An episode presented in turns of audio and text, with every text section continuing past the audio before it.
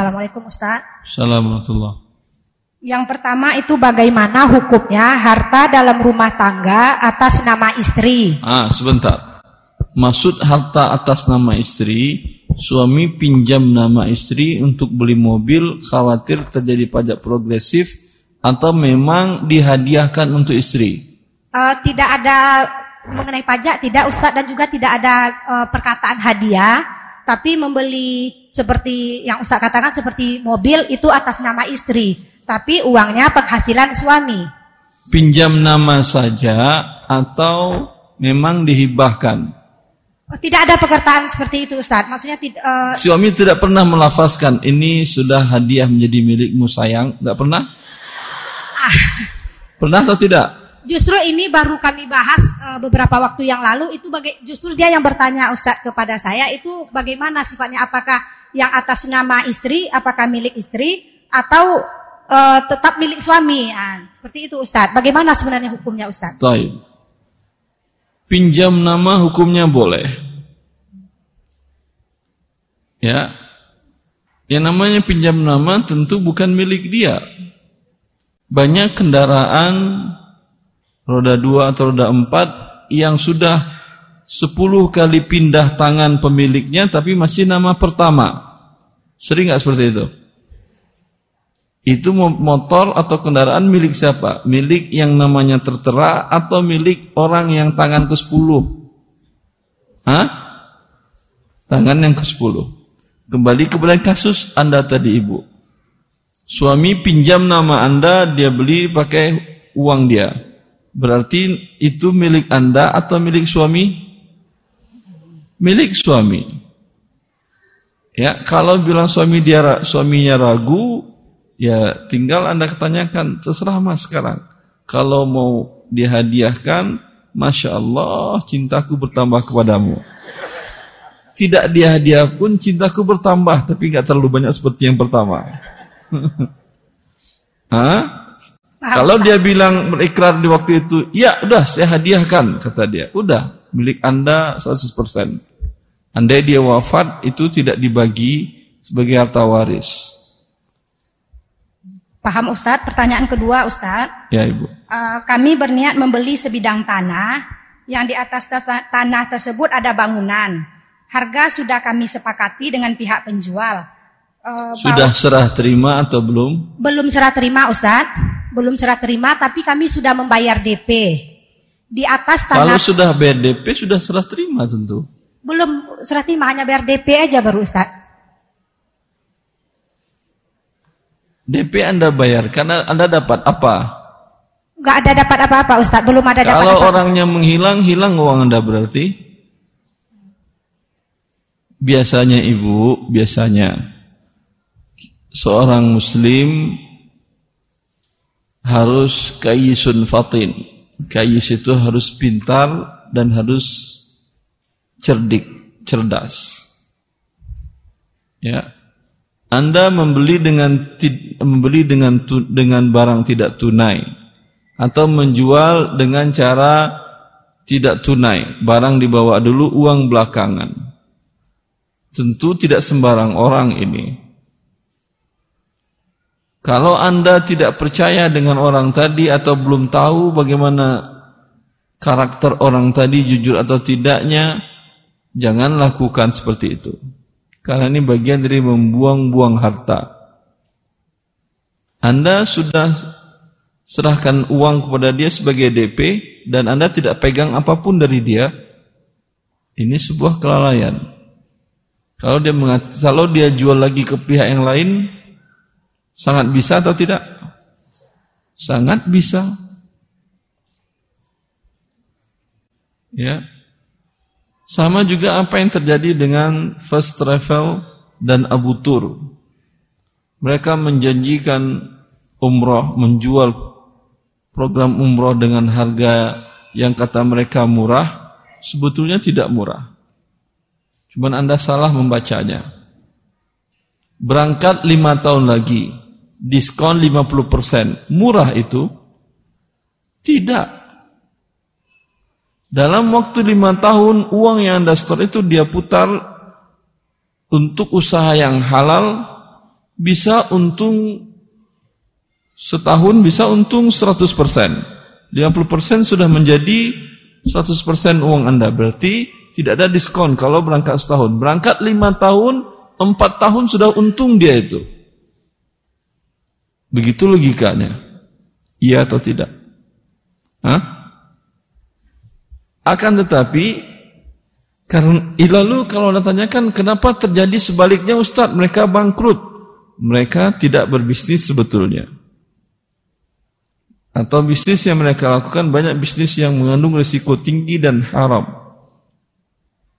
seperti yang dilansir oleh dikutip oleh beberapa media massa pemilik Abu Tur itu hidup dengan gaya hedon punya apartemen di ibarat punya pesawat pribadi dan lain-lain. Memang bukan buat bisnis berarti, buat kesenangan pribadinya dan ini murni penipuan. Kalaulah dibelikannya sawit saja, huh, lima tahun itu seharusnya bisa diberikan Anda berangkat gratis dan uang Anda kembali penuh. Iya atau tidak? Akan tetapi karena saya katakan orang kaum muslimin di Indonesia tidak mengerti dalam berakad padahal Allah telah mengatakan bila kalian berakad tulis akadnya atau minta barang jaminan. Wa in kuntum ala safari wa lam tajidu katiban farihanum maqbudah. Ambil barang jaminan. Saya jual handphone tidak tunai. Dibawa oleh dia. Saya minta jaminan dari dia. Hah? Saya pegang KTP-nya, SIM-nya, ijazahnya. Begitu banget Ustaz? Ya iya. Ini saya beli mamanya dengan harga 3 juta. Kalau saya berikan begitu saya tanpa ada yang saya pegang, berarti saya sedekah ke dia namanya. Kalau sedekah ya jangan ke orang ini. Banyak lain berhak menerima sedekah. Jelas? Jelas Ustaz, Ibu? Uh, yang itu jelas Ustaz. Terus kalau seandainya transaksi kita batal, apakah uang DP bisa kita minta atau bagaimana? DP hilang. Oh DP hilang. Uh, ini sebenarnya maksudnya memang kita tidak meminta jaminan apa-apa Ustaz karena kita bertransaksi dengan tetangga kita sendiri Ustaz. It, maksudnya ibaratnya modal kepercayaan aja Ustaz. Terserah Anda.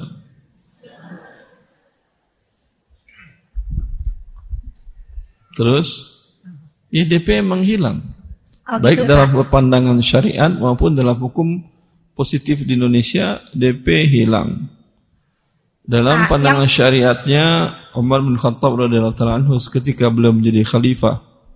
Beliau memerintahkan gubernurnya yang berada di Mekah Nafi bin Haris untuk membeli rumah uh, Sofwan bin Umayyah untuk dijadikan rumah itu sebagai penjara Penjara apa ini? Dalam Islam maling tidak dipenjara, langsung dipotong tangannya. Pembunuh tidak penjara, dipotong lehernya. Lalu siapa yang tinggal di penjara ini? Orang yang punya hutang. Yang di penjara itu orang yang berhutang. Yuhillu irdahu uqubatah. Orang yang berhutang dan sengaja menunda pembayaran hutangnya, halal dia untuk diberikan sanksi. Sufyan As-Sawri, Sufyan bin Nuyainah mengatakan, Uqubatuha al-habsu, sanksinya adalah di penjara. Agar dia mau melepas aset-asetnya untuk menutup hutangnya. Lalu kemudian Nafi' bin Haris mengatakan kepada pemilik rumah itu, ini rumah saya beli. Buktinya ini DP saya beli 3000 dirham. Bila Umar setuju, ini menjadi bagian dari harga. Bila Umar tidak setuju, hilang. Asar ini yang menjadi dalil para fuqaha, para ulama bahwa DP boleh hilang. Dan ini mazhab jumhur para ulama. Baik.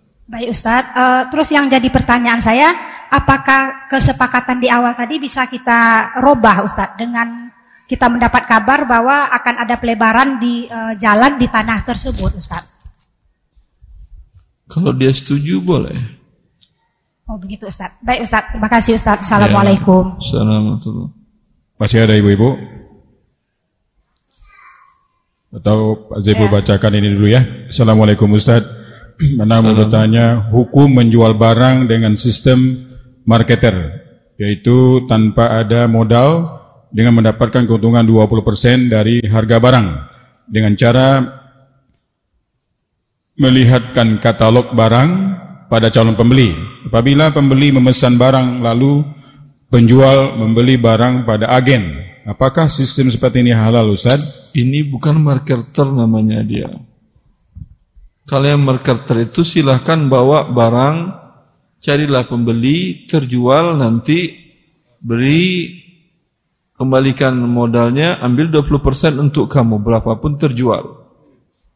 Kalau ini bukan marketer dia, Terserah mau dinamakan marketer atau apa, tetapi dia tidak bisa bawa barang sebelum dia beli dari si pemilik atau supplier atau distributor atau apa namanya. Jelas? Kalau seperti ini, dia si marketer ini tidak boleh menjualkan ke siapa pun sebelum dia beli dulu.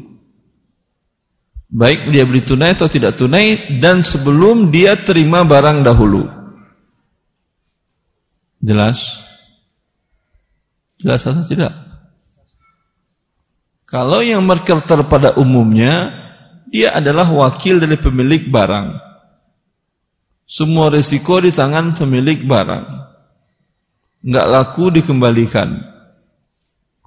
Itu yang dia marketer pada umumnya. Tapi kalau seperti ini, dia namanya jual beli. Ya, Laku nggak laku, dia orang-orang yang beli tadi tetap bayar. Beda dengan marketer. Wallahu a'lam. Itu jual beli putus biasa. Maka tidak boleh dia menjualkan kepada pembelinya sebelum dia beli dari si pemilik barang atau supplier atau distributor tadi. Kita lanjutkan masih pertanyaan yang tertulis. Assalamualaikum warahmatullahi wabarakatuh. Salam. Ana mantan pegawai bank konvensional dan baru saja berhijrah dua bulan yang lalu. Ada beberapa hal yang mau anda tanyakan Ustaz. Pertama, bolehkah pesangon atau dana pensiun yang saya terima dipergunakan untuk modal usaha mengingat tidak ada dana lain yang bisa dipergunakan. Kedua, oh ini yang, di bawahnya warisan, mungkin yang pertama dulu Ustaz. Dana pesangon atau pensiun yang beliau terima bolehkah digunakan untuk Uh, ini yang bertanya laki atau perempuan? Uh, karena ini untuk kajian perempuan, anak pikir ini perempuan, Ustaz. Mudah-mudahan. Uh, ini sudah menikah atau belum? Ah, itu anda tidak tahu, Ustaz. Boleh berbicara yang bertanya, kasihkan mikrofon. Kalau di sini sudah kayaknya, Ustaz. Karena ada pertanyaan keduanya, bagaimana pembagian hukum waris untuk istri dan lima anak? Jadi anak pikir ini orang sudah menikah juga. Istri dan lima anak. Ya. Berarti yang meninggal siapa? Lima anak yang ditinggalkan yang terdiri dari tiga laki-laki dan perempuan yang semuanya. Yang meninggal siapa?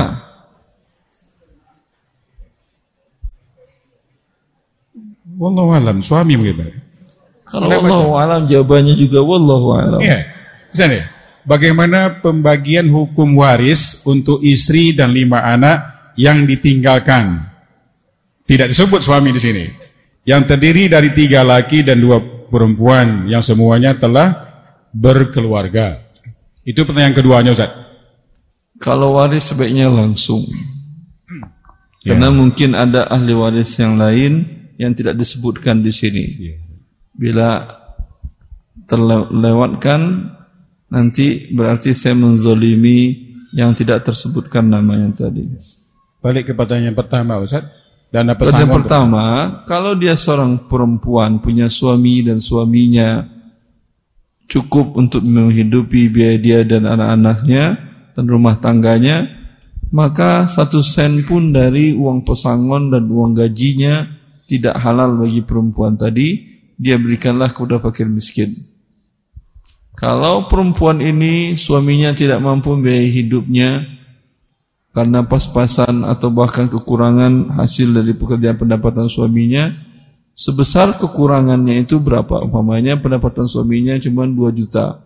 Kebutuhan dia dan sekeluarganya dan anak-anaknya semuanya 10 juta sebulan. Kurang 8 juta. 8 kali 12, 96 juta. Dari pesangon dan dari seluruh gaji yang disimpan selama ini oleh si perempuan ini, 96 juta dia tahan, ini halal untuk dia dan suaminya tahun ke depan. Mau dia jadikan modal usaha silahkan dan seterusnya silahkan. Sisanya dari pesangon tadi mungkin ada sekitar 940 juta tidak halal di tangan dia. Berikan kepada fakir miskin yang lain. Silahkan ada yang proposal mau masuk. Lumayan 940 juta. Kita lanjutkan. Assalamualaikum Ustaz. Saya dan suami sudah mendaftar haji tahun 2012 rencana berangkat di daftar Depak tahun 2023. Masalahnya Ustadz, setoran ONH awal tahun setoran ONH awal waktu itu setengahnya memakai dana talangan haji dan lunas dalam satu tahun. Bagaimana hukumnya Ustadz? Jazakallah khairan. Kalau sudah lunas tinggal bertaubat kepada Allah. Riba yang telah Anda lakukan tadi semoga diampuni oleh Allah dan kalau tahun 2023 masih ada penerbangan ke, ke Saudi Arabia, semoga Allah memberikan haji yang mabrur kepada Anda. Ya, masih ada pesawat masih terbang di tahun itu. Wallahu alam. Ibu-ibu masih ada yang ingin bertanya ya, langsung? Ada Ustaz. Assalamualaikum warahmatullahi wabarakatuh. Waalaikumsalam warahmatullahi wabarakatuh. Ustaz, saya adalah seorang ibu rumah tangga. Saya ingin menanyakan Ustadz, uh, sebagai istri kita akan memegang sebagian dari uang suami dan istri tidak bekerja. Apa hukumnya membelanjakan harta suami untuk misalnya keperluan seperti mentraktir orang tua, saudara, teman, bersedekah pada kerabat atau memakainya untuk uh, belanja hal-hal pribadi yang tergolong tersier? Dan bagaimana bila suami tampaknya terpaksa atau tidak suka dengan hal ini? Itu pertanyaan pertama. Yang ini kedua, perempuan zolim banget gaji suami dibagi-bagikan untuk masyarakat Indonesia seluruhnya. Uh, maksudnya itu di luar uh, kebutuhan rumah tangga, Ustaz. Maksudnya. Walaupun di luar kebutuhan itu kan bukan uang Anda. Iya, makanya. Maka seperti yang saya katakan tadi, berapa gaji suami sepakati dengan suami, ambil oleh Anda sepertiga jadi kebutuhan pribadi Anda. Yang sepertiga ini terserah Anda. Mau Anda traktir semua jamaah Rodatul Jannah, Alhamdulillah. Ustaz, sepertiga itu kalau boleh tahu Ustaz, uh, angkanya dari mana Ustaz?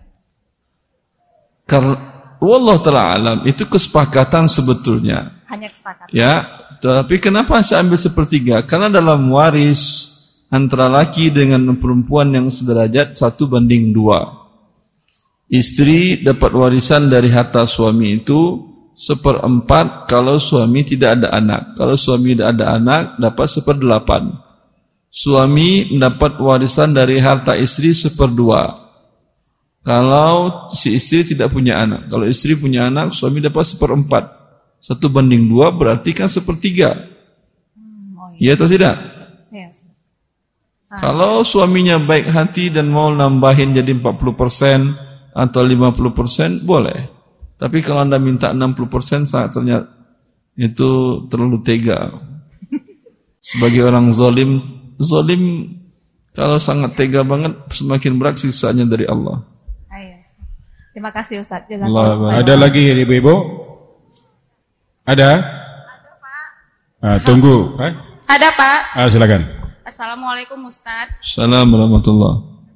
Ustaz, suami saya pinjam uang di rentenir sebesar 90 juta, dicicil 1 juta sehari selama 100 hari. Sistemnya pakai kartu. Belum habis pinjaman yang pertama, ditambah lagi dengan pinjaman yang berikutnya. Itu pun nominal pinjaman bermacam-macam. Ini berlangsung selama tiga tahun sekarang. Eh, eh, tiga tahun. Sekarang usaha terbakar, sisa hutang ada sekitar 250 juta. Kalau dihitung selama tiga tahun ini, pokok si rentenir sudah kembali.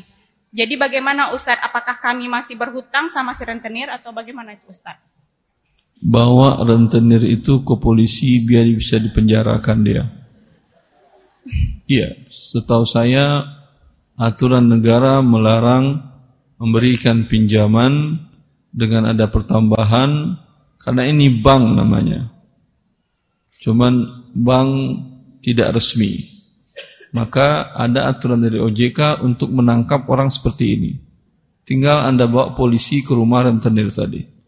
Biar dia dipenjarakan dan hutang Anda sudah lunas karena sudah Anda bayar sebesar pokoknya. Oh, berarti uh, maksudnya itu kan uh, berkesinambungan untuk Ustadz pinjamannya kan berdasarkan per 100 hari. Berarti intinya kami tidak mempunyai hutang lagi kan Ustadz? Pokok yang diterima sudah dibayar sama kan ya? umpamanya terima semuanya 200 juta. Uh-uh. Yang 200 juta sudah Anda bayar atau belum? Sud, uh, sudah Ustaz. Sudah, ya berarti sudah selesai, tinggal bunga-bunganya mungkin. Ah, iya Ustaz. Bunga-bunganya kalau Anda bayar Anda berdosa. Cuman kalau rentenir ini masih di luar penjara, dia akan suruh teman-temannya untuk mengintimidasi keluarga Anda. Makanya seperti saya katakan tadi, ajak rentenir tadi ke kantor polisi. Sehingga langsung ditahan sehingga Anda tidak perlu di uh, di, diintimidasi oleh dia dan teman-temannya. Terima kasih Ustaz. Assalamualaikum. Dan jangan lagi uh, apa namanya ikut rentenir ya Bu ya. Assalamualaikum warahmatullahi wabarakatuh. Assalamualaikum warahmatullahi wabarakatuh. Apa Ustaz, Anda mau bertanya. Uh, kami suami istri mempunyai harta masing-masing. Lantas harta Anda Anda kembangkan dengan berbisnis Begitu juga harta suami Anda mengembangkan tapi hasil punya suami Anda serahkan pada suami. Harta anak Anda simpan sendiri juga. Yang pertanyaan saya begini Ustaz. Apakah harta yang bertambah tadi menjadi harta bersama atau gimana Ustaz? Mohon nasihatnya jazakumullah khairan Ustaz. Enggak paham saya bertambah dari yang mana? Dari yang dibisniskan Ustaz. Bisnis siapa? Harta siapa? Harta istri apa harta suami? Sa harta harta kami berdua, anak Saham bisnis. istri berapa persen? Nah, kalau dapat harta, kalau dapat hasilnya anak serahkan punya suami, punya suami, punya saya, punya punya anak, punya anak Ustaz. Saham usaha awalnya berapa persen? Uh, modal, modal. Satu M Ustaz. Satu M, berapa persen istri, berapa persen suami atau semuanya milik suami? Sama-sama Ustaz. 50 persen, 50 persen. Anda serahkan modal 100 juta, suami serahkan modal 100 juta gitu? Iya. 500 juta juga? Iya Ustaz. Kemudian dapat laba? Iya Ustaz. Dibagi dua, Anda dapat 50 persen, suami 50 persen? Iya Ustaz. Terus pertanyaan Anda apa? Uh, apakah harta yang bertambah tadi menjadi harta bersama atau harta masing-masing Ustaz? Yang mana? Laba? Iya Ustaz, labanya. Laba harta masing-masing dan usaha tadi juga milik masing-masing berdasarkan sahamnya. Oh. Paham? Ya Ustaz. Jazakumullah khairan. Assalamualaikum warahmatullahi wabarakatuh. Assalamualaikum warahmatullahi wabarakatuh. Eh, giliran Pak Zaipul Bu. Assalamualaikum warahmatullahi wabarakatuh. Ibu, Ibu tahan dulu. Ibu tahan dulu Bu. Ini pertanyaannya banyak di sini. Biar adil Bu. Ya Bu ya. Kalau Ibu mau marah setelah ini aja ya. Assalamualaikum, Afwan Ustaz. Anda mau bertanya, sebetulnya kalau mau bertanya Anda saya tulis lagi lah, jelas ini mau bertanya. Bagaimana hukumnya uang yang diberikan suami yang masih bekerja di bank konvensional untuk kebutuhan rumah tangga, makan, pakaian, dan lain-lain. Syukron, jazakallahu khairan. Allah barik fik yang diberikannya kepada anda dan anak-anak adalah neraka. Cuman masalahnya bagi fakir miskin uang tadi halal. Kalau Anda dan anak-anak tidak memiliki harta yang lain yang halal, maka bagi Anda halal, tapi bagi suami yang haram. Baik. Ya, Ibu yang antri, silakan. Assalamualaikum warahmatullahi wabarakatuh. Assalamualaikum warahmatullahi wabarakatuh. Uh, Ustaz, beberapa waktu lalu uh, ini suami beli tanah dengan menggunakan uang riba. Nah, uang riba tersebut sudah dilunaskan. Uang riba itu maksudnya apa? Pinjam. Pinjam bank, iya. Pinjam. Iya. Karena kalau setahu saya yang uang riba itu dia dapat keuntungan atau laba atau profit dari meminjamkan uang. Seperti dia taruh deposito, ada bunganya sekian persen, umpamanya ada bunganya 4 miliar setahun Dengan 4 miliar ini dia beli tanah, ini iya dia berarti membeli dari uang riba. Oh, ini Sebentar, sebentar. Kalau dia pinjam uang 4 miliar dan ada kewajiban harus membayar bunga ya sekian persen per tahun, maka uang yang 4 miliar ini uang pinjaman. Uang pinjaman halal yang haram adalah akad ribanya. Kalau akad ribanya diputus, selesai sudah dan halal dan boleh. Kalau ribanya masih belum diputus, berarti harus dibayar sepatnya pokok utang ribanya. Berarti e, jika itu kan berarti sudah putus tuh eh, janji ribanya kan? Bolehkah e, tanah tersebut dijual terus kami gunakan untuk ibadah misalnya umroh atau haji gitu Ustaz. Boleh. Ustaz, yang kedua nih, um, apa hukumnya pemberian yang diberikan partner kerja atau vendor, partner kerja suami maksudnya, kepada kita. Namun uh, vendor tersebut menyatakan pemberian tersebut di atas namakan pribadinya, bukan perusahaan. Uh, bolehkah kami terima hadiah tersebut gitu Ustaz? Gak paham saya. Vendor apa ada apa dengan istri vendor? ya untuk istri sebagai hadiah uh, hadiah kelahiran. So, hadiah apa? Apa? Hadiah apa? Hadiah kelahiran anak Ustaz. Hadiah kelahiran Iya. anak. Sang gini, sang istri itu mau lahir. Nah, vendor tersebut menyatakan uh, saya mau kasih ini ntar gitu. Bolehkah nanti Suami Anda karyawan di perusahaan atau pemilik perusahaan? karyawan Ustaz? Tidak boleh. Oh, gitu. Harus dilaporkan ke HRD di kantor suami Anda. Walaupun atas nama pribadi disebutnya Ustaz, nggak tetap nggak boleh. Betul, betul tidak boleh.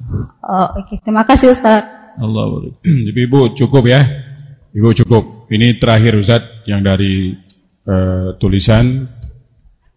Assalamualaikum Ustaz. Salam telur.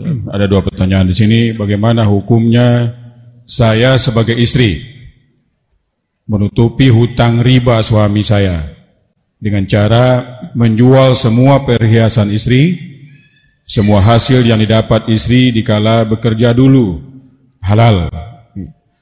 Kasusnya suami dulu membeli mobil secara riba. Kedua, bagaimana hukumnya kita sebagai istri selalu diberi uang belanja yang tidak sesuai yang diharapkan. Namun dengan sikap suami demikian, kita membuat anggaran belanja sendiri agar suami memak- memaklumi, memahami kebutuhan rumah tangga semakin besar dengan anak yang banyak. Contohnya kita mengarang-arang maksudnya ini ya. Mengarang mengarang anggaran belanja kebutuhan rumah Ah, tangga. markup anggaran belanja. Syukron Ustaz. Ibu-ibu ini terakhir ya. Ya. Baik. Ustaz. Pertama, istri yang sayang dengan suaminya tentu bagian dari kebahagiaan dia. Dia menginginkan dia dengan suami dan anak-anaknya nanti bertemu di surga Allah Azza wa Jal. Innal ladzi innal muttaqina fi jannati wa nahar fi maq'adi sidqin 'inda malikin muqtadir. Orang-orang yang bertakwa berada di dalam surga Allah di sisi Rabbil Alamin. Maka kebahagiaan orang-orang yang masuk surga akan menjadi berkurang karena orang-orang yang dicintai di dunianya waktu di masa di dunia tidak bertemu dengan dia di dalam surga. Maka bagian dari kebahagiaan Anda tentu menyelamatkan semua yang anda cintai dari neraka Allah Azza wa Jal. Bila itu adalah suami, maka seorang istri yang sayang dengan suaminya, apa pun dia lakukan untuk suaminya agar dia dengan suaminya dan anak-anaknya bisa berkumpul nanti di sorga. Kan tidak nyaman ketika anak-anak dan anda berada di sorga, lalu suami masuk ke neraka gara-gara dia beli mobil untuk kebutuhan keluarga dengan cara riba atau di rumah dengan cara leasing riba. Kemudian gara-gara itu dia dimasukkan ke neraka, lalu anak-anak tanya, Mi, Abi di mana? Apa jawaban Anda? Tentu Anda katakan Abimu di neraka nak. Gara-gara dia ingin menyenangkan di hidup kita. Ya. Maka tentu akan terganggu kebahagiaan tadi. Kalau saja Allah Azza wa Jal mengangkat orang-orang di surga lantai bawah dan ada orang-orang yang dicintainya di lantai atas itu bukan yang lantai atas turun ke bawah tapi yang bawah naik ke atas. Allah mengatakan innal ladzina amanu wattaba'atuhum dzurriyyatuhum biimanin alhaqna bihim dzurriyyatahum wama alatnahum min amalihim min syai'. Orang-orang yang beriman kemudian diikuti oleh anak-anak keturunannya dengan keimanan nanti akan dikumpulkan oleh Allah di dalam satu tempat di surga dan tidak akan berkurang derajatnya. Bukan yang di atas di Firdaus turun ke lantai bawah, tapi yang lantai bawah naik ke Firdausil A'la. Semoga kita semuanya dikumpulkan oleh Allah nanti di Firdausil A'la bersama orang-orang yang kita cintai. Allahumma amin. Wallahu li taufiq.